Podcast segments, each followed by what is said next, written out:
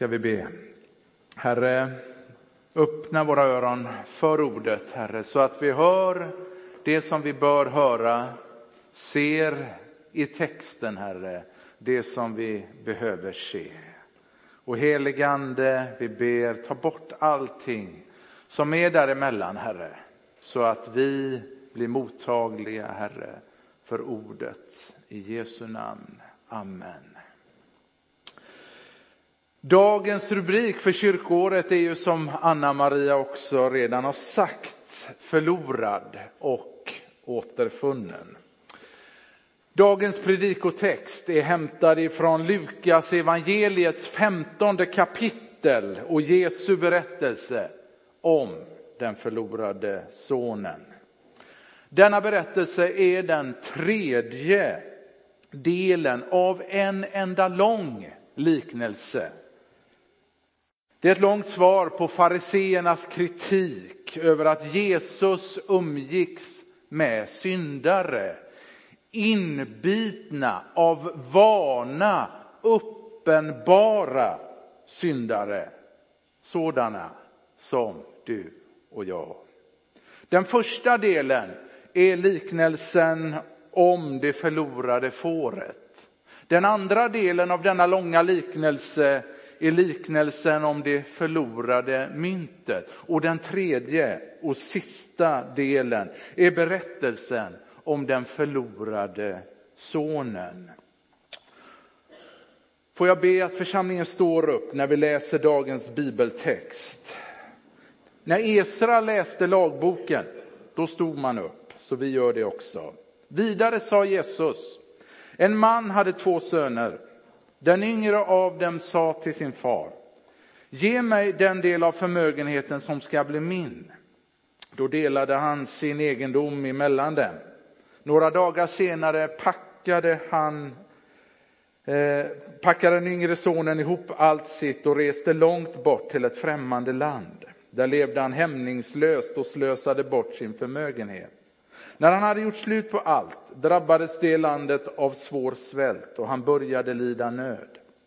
Då gick han bort, tog tjänst hos en av landets medborgare som skickade ut honom på sina ägor för att vakta svin. Han hade gärna velat äta sig mätt på fröskidorna som svinen åt, men ingen gav honom något. Då kom han till besinning och sade, hur många arbetare hos min far har inte mat i överflöd och här svälter jag ihjäl. Jag vill stå upp, gå hem till min far och säga till honom, far, jag har syndat mot himlen och inför dig. Jag är inte längre värd att kallas din son. Låt mig få bli som en av dina arbetare. Och han stod upp och gick till sin far. Medan han ännu var långt borta fick hans far se honom och förbarmade sig över honom. Fadern skyndade fram, omfamnade honom, kysste honom och sonen sa till sin far, jag har syndat mot himlen och inför dig. Jag är inte längre värd att kallas din son.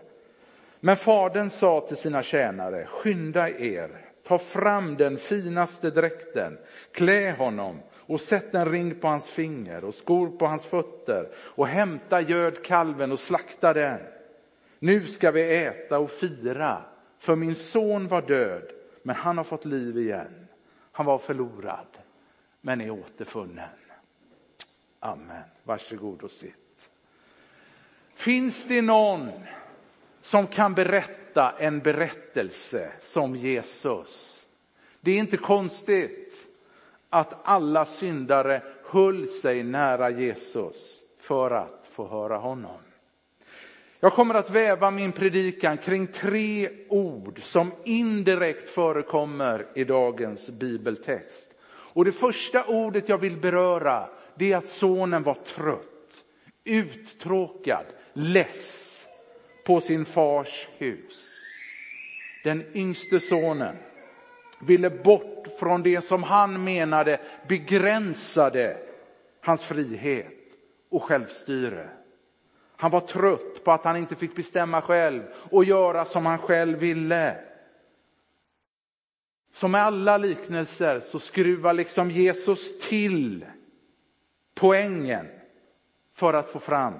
Han skruvar till liknelsen för att få fram sin poäng. Så också i denna liknelse. Vi fattar ju att den yngste sonen, liksom, vem beter sig så emot sin far? Men Jesus han skruvar till liknelsen för att få fram sin poäng.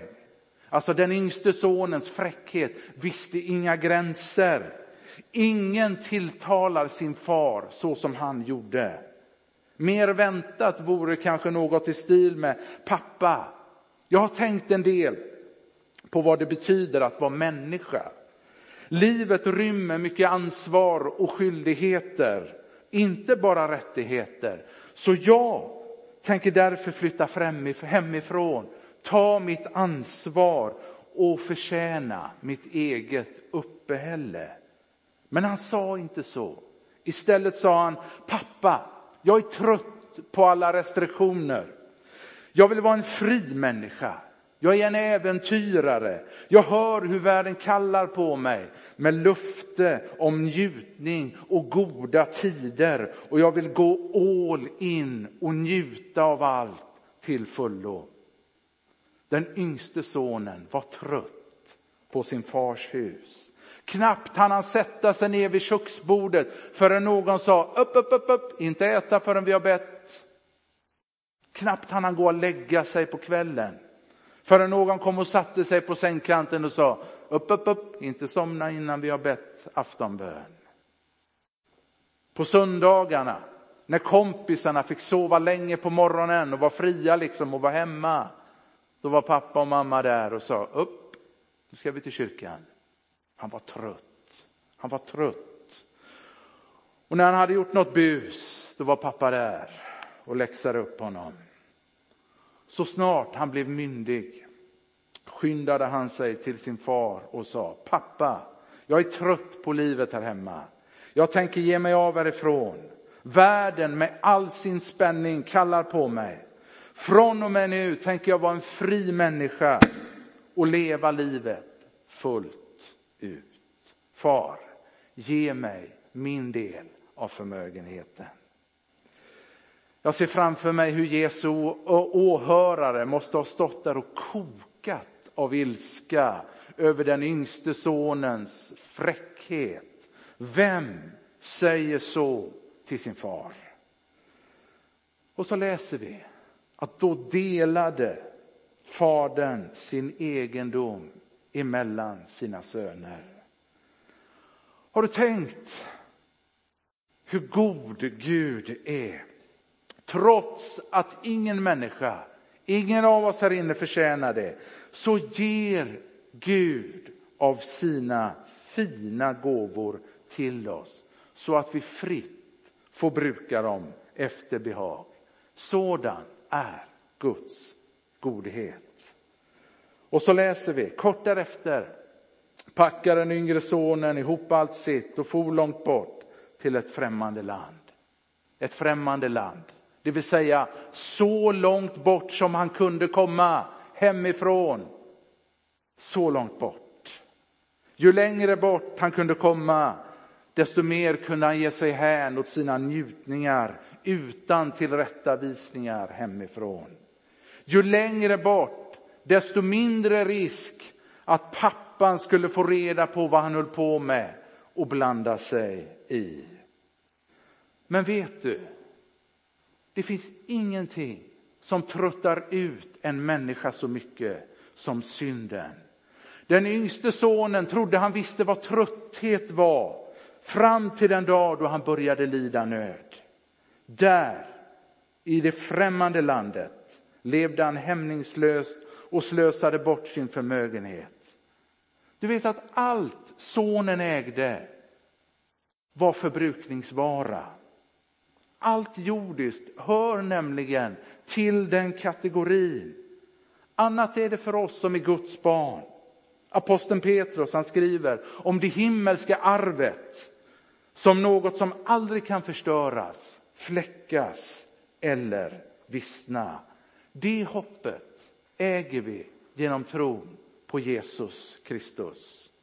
Men förmögenheten som den yngre sonen ägde var ingenting annat än förgängligt och ändligt. Och i takt med den svåra torkan brann rikedomen upp i rasande takt.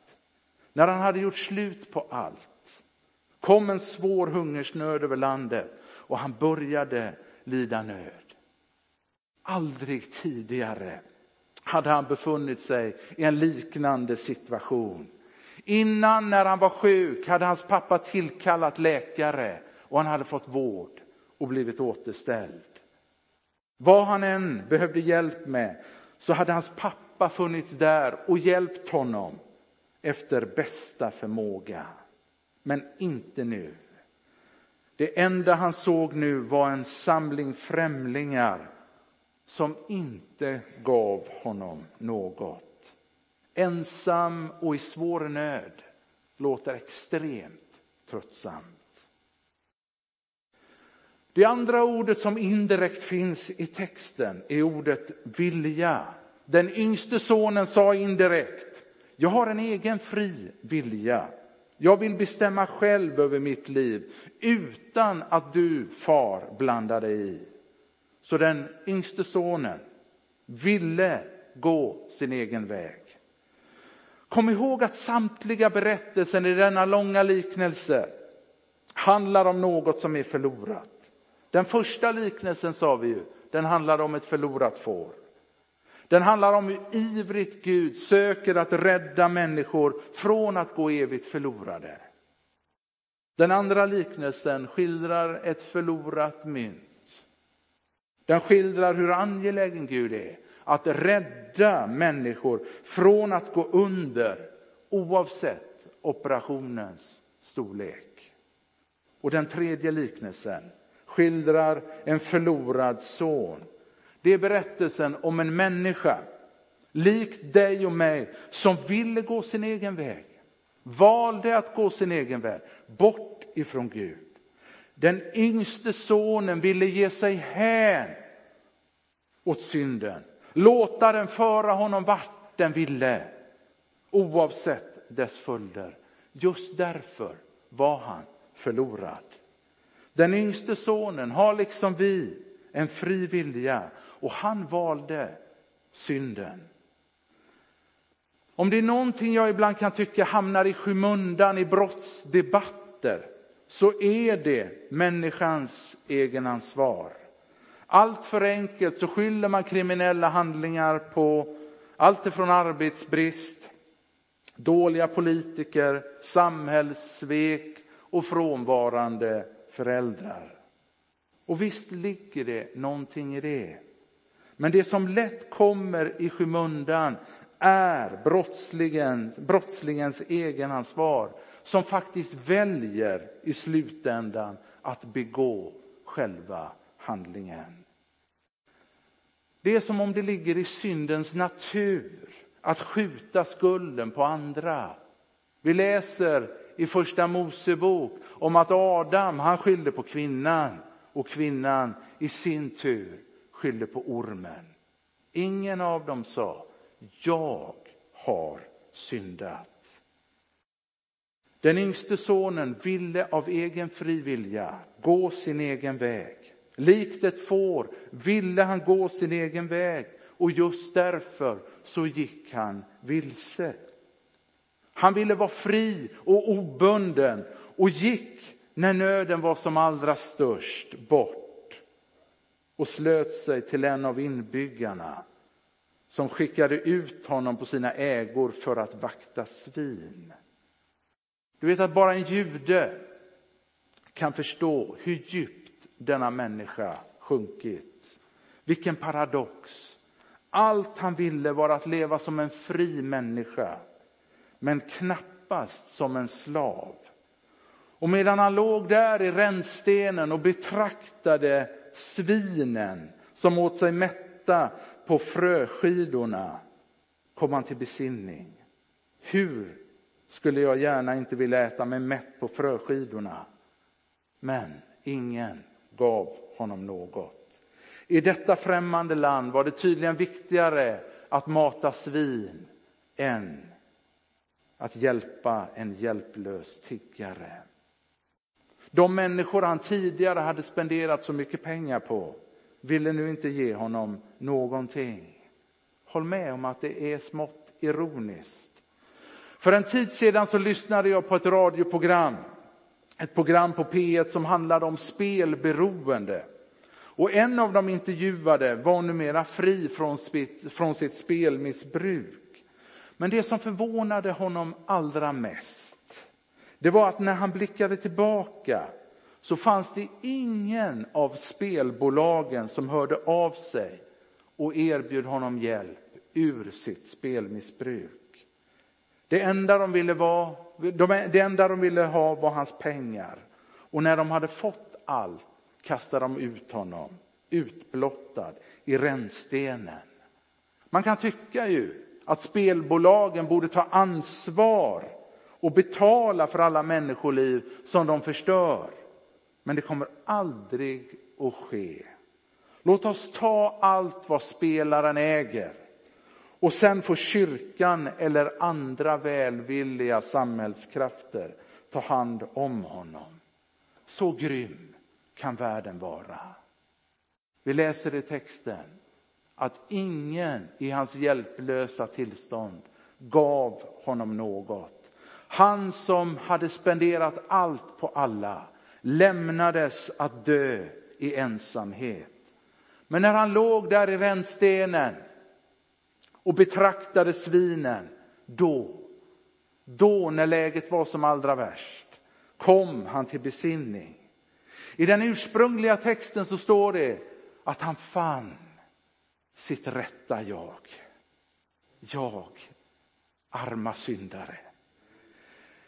En människa är nämligen inte den hon ursprungligen blev skapad till att vara när hon vandrar sin egen väg bort ifrån Gud.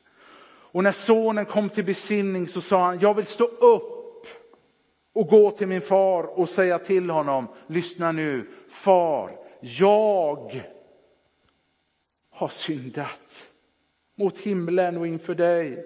Jag är inte längre värd att kallas din son. Låt mig få bli som en av dina daglönare.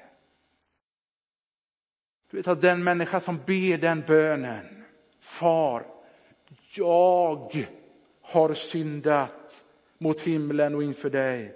Du vet att han eller hon är inte långt borta från himlen.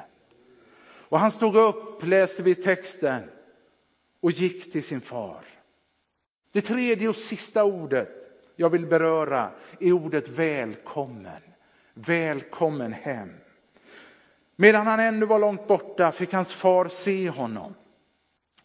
Du vet att den grekiska texten lägger stor vikt vid orden medan han ännu var långt borta. Du vet att fadern satt inte hemma vid köksbordet och väntade på att sonen skulle knacka på dörren. Du vet att dagligen gick han längs vägen i hopp om att få möta sin son. Även om sonens kärlek hade kallnat så hade faderns kärlek till sonen varit lika varm hela tiden. Redan långt borta, på långt håll, står det att fadern kände igen honom. Gångstilen, kroppshållningen, ansiktsdragen. Ja, visst var det han. På långt håll kunde han se hans trasiga, smutsiga kläder och hans såriga och sargade kropp. Ända sedan sonen hade gett sig av hade pappan under tårar bett för honom varje dag. Detsamma gäller dig. Varje dag ber Jesus för dig. Medan han ännu var långt borta fick han se honom och förbarmade sig över honom. Fadern skyndade emot honom, föll honom om halsen och kysste honom. Kanske tänkte han, kanske tänkte han, tänk om min son ändrar sig ju närmare han kommer huset. Tänk om han börjar vackla när han ser allt tjänstefolk och deras förvånande blickar. Det är bäst jag skyndar mig mot honom och möter upp honom. Observera att Jesus inte säger någonting om tillrättavisningar, skarpa förmaningar. Inte ett enda ord om uteslutningar och om att han nu minsann borde lära sig en dyr läxa. Du vet att under min tid på Klädesholmen så fanns det i församlingens historia så många uteslutningar. Det räckte att du rökte, ja just med dig. Eller att du var ihop med fel person, ja just med dig. Och detta hade församlingen liksom i sitt bagage. Så många trasiga människor. Och så minns jag under min tid där att jag samtalade med en kvinna som var en av dem som under församlingens historia hade blivit utesluten därför att hon var ihop med fel man. Så samtalade hon. Och vet du vad jag fascineras över? Med tiden, när vi samtalade, så kom hon liksom till besinning. Hon blev en utav de uteslutna som ville gå tillbaka in i församlingsgemenskapen igen. Och det kändes som att Gud bröt någonting där som hade legat som ett ok över församlingen. Så fantastiskt. Här möter vi en far som inte viftar med det röda kortet. Inte ett ord om uteslutning. Det enda vi läser i texten är att när fadern fick syn på honom på håll skyndade han sig mot honom, föll honom om halsen och kysste honom. Inte konstigt att syndarna höll sig nära Jesus för att de ville höra honom. Du vet att när fariseerna gick runt så mumlade de. De mumlade. De ställde sig inte här på estraden och ropade ut sin kritik mot Jesus. Utan de gick och viskade i öronen på folk. Det är inte klokt. Titta på han. Han kan inte vara Guds son som umgås med syndare. Och så försökte de sprida liksom sin kritikerkör. Stämningen blev dålig. Det var ingen syndare som mådde bra av det. Men Jesus, han sa dem sanningen. De höll sig nära Jesus därför att han var full av nåd och sanning. Ja, visst. Han suddade inte ut deras syndiga natur. Det var sant, de var syndare. Men de höll sig nära Jesus för att höra honom.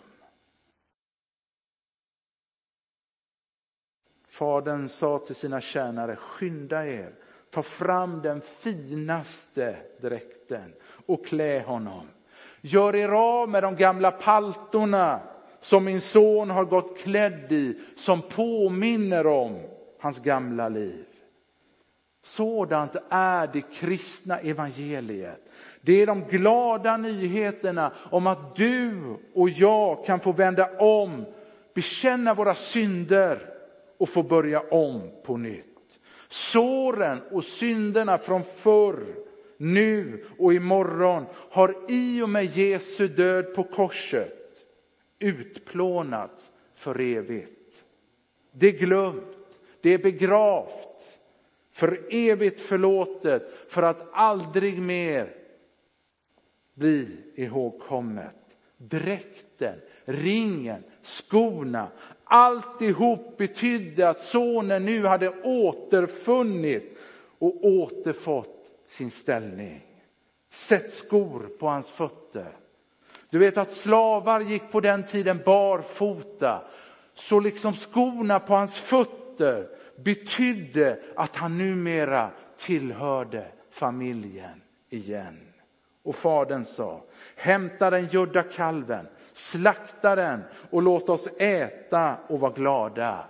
Du vet att just det att kalven hade fått extra mat betydde att fadern hade planerat festen lång tid i förväg. Sådan är den himmelska festen. Bordet är dukat, det är färdigt.